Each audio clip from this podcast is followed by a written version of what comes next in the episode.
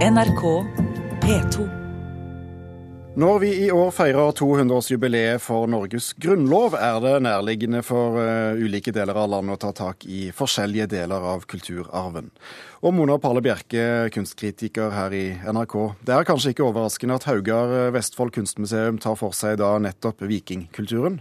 Nei, absolutt ikke. Dette er jo selve vikingfylket. Det var jo her man fant selve eventyret i norsk arkeologi, Oseberggraven, med sitt store dronningskip, eller kvinnelige høvdingskip, med all sitt fortellende innhold. Og det er jo også her Gokstadskipet er funnet, så de har jo med en viss rett da hevd på fortellingen om vikingtiden.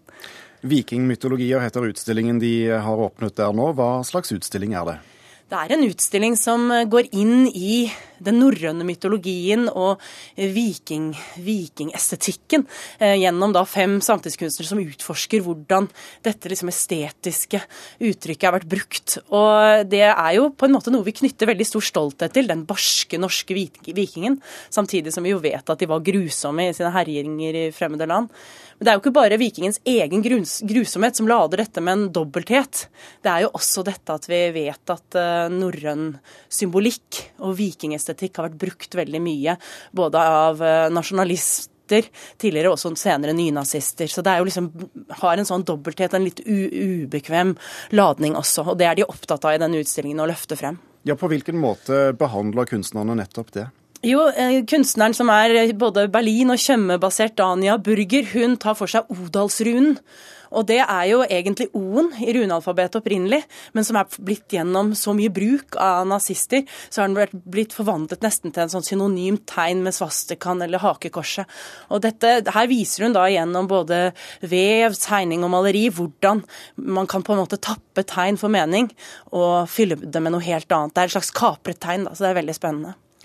Og Kunstneren Lars Ramberg han er også med og har gjenskapt en, en nazibutikk fra eh, Berlin. Det kunne vi høre om i Kulturnytt før eh, helgen. Hvordan syns du dette har blitt? Ja, Dette er jo et av de mest iøynefallende arbeidene i utstillingen. Han har da skapt en helt en gjenskapt, veldig realistisk, en, en butikkfasade med en sånn kalket mursteinvegg og glassvindu, og der står det da to utstillingsstykker med dette klesmerket eh, Tor Steinar, som er da et sånt nazi-inspirert kleskonsept, inspirert av en sånn type tøff, sporty, norskaktig design, da, med dette merket som jo bruker eh, vikingsymboler skoler. Og Det han jo her løfter frem, er jo hvordan det norske flagget, og også norske stedsnavn, som Tønsberg, som Narvik, Larvik og flere andre, er, brukes nettopp til å fremme en type antidemokratisk og nynazistisk eh, tankegang.